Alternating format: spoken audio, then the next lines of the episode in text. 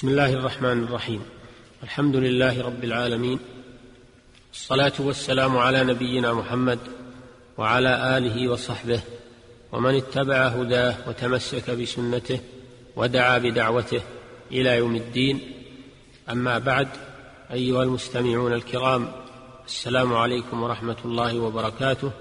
نواصل الحديث معكم في أحكام النكاح ونخص في حلقتنا هذه التحدث عن حكم رؤية المخطوبة وخطبة المعتدة وغير ذلك. فقد قال عليه الصلاة والسلام إذا خطب أحدكم امرأة فقدر أن يرى منها بعض ما يدعوه إلى نكاحها فليفعل. رواه أحمد وأبو داود.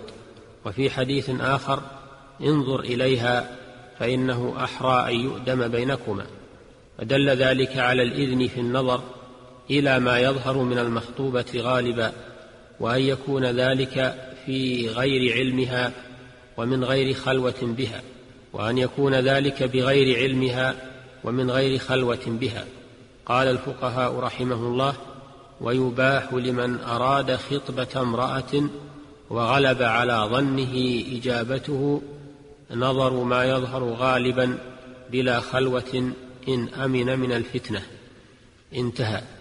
وفي حديث جابر فكنت أتخبأ لها حتى رأيت منها بعض ما دعاني إلى نكاحها فدل ذلك على أنه لا يخلو بها ولا تكون هي عالمة بذلك وأنه لا ينظر منها إلا إلى ما جرت العادة بظهوره من جسمها فإن هذه الرخصة تختص بمن غلب على ظنه إجابته إليها فإن لم يتيسر له النظر إليها بعث إليها امرأة ثقة تتأملها ثم تصفها له.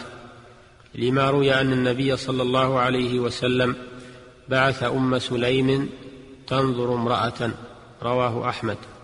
ومن استشير في خاطب أو مخطوبة وجب عليه أن يذكر ما فيه من مساو وغيرها ولا يكون ذلك من الغيبة.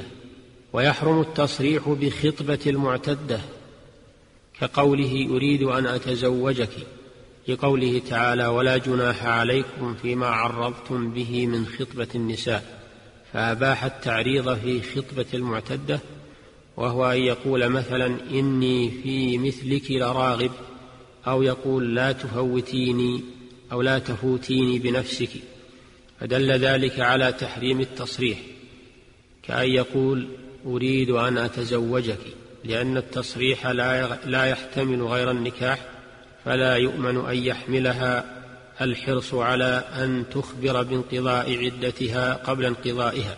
قال الإمام ابن القيم حرم خطبة المعتدة صريحا حتى حرم ذلك في عدة الوفاة وإن كان المرجع في انقضائها ليس إلى المرأة فإن إباحة الخطبة قد تكون ذريعة إلى استعجال المرأة بالإجابة والكذب في انقضاء عدتها وتباح خطبة المعتدة تصريحا وتعريضا لمطلقها إذا كان طلاقا بائنا دون الثلاث لأنه يباح له نكاحها في عدتها. قال الشيخ تقي الدين يباح التصريح والتعريض من صاحب العدة فيها إن كان ممن يحل له التزوج التزوج بها في العدة. وتحرم خطبته على خطبة أخيه المسلم. فمن خطب امرأة وأجيب إلى ذلك حرم على غيره خطبتها حتى يأذن بذلك أو, أو, أو يرد. لقوله صلى الله عليه وسلم لا يخطب الرجل على خطبة أخيه حتى ينكح أو يترك. رواه البخاري والنسائي وروى مسلم لا يحل للمؤمن أن يخطب على خطبة أخيه حتى يذر وفي حديث ابن عمر لا يخطب أحدكم على خطبة أخيه متفق عليه. وللبخاري لا يخطب الرجل على خطبة الرجل حتى يترك الخاطب قبله أو يأذن له فدلت هذه الأحاديث وما في معناها على تحريم خطبة المسلم على خطبة أخيه لما في ذلك من الإفساد على الخاطب الأول وإيقاع العداوة بين الناس والتعدي على حقوقهم وحرماتهم. فإن رد الخاطب الأول أو أذن للخاطب الثاني أو ترك تلك المرأة جاز للثاني أن يخطب تلك المرأة لقوله صلى الله عليه وسلم حتى يأذن أو يترك.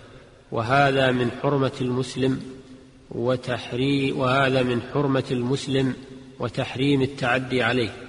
وبعض الناس لا يبالي بذلك فيقدم على خطبة المرأة وهو يعلم أنه مسبوق إلى خطبتها وأنها قد حصلت الإجابة فيعتدي على حق, على حق أخيه ويفسد ما تم من خطبته وهذا محرم شديد التحريم وحري به إن تزوج تلك المرأة التي أقدم على خطبتها وهو مسبوق إليها مع تأثمه الشديد حري به الا يوفق وأن يعاقب.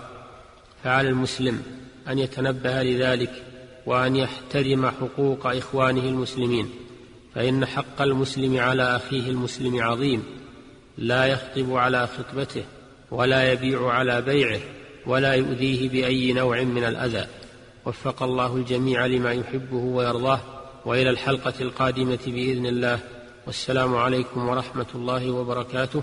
والحمد لله رب العالمين. وصلى الله وسلم على نبينا محمد وآله وصحبه.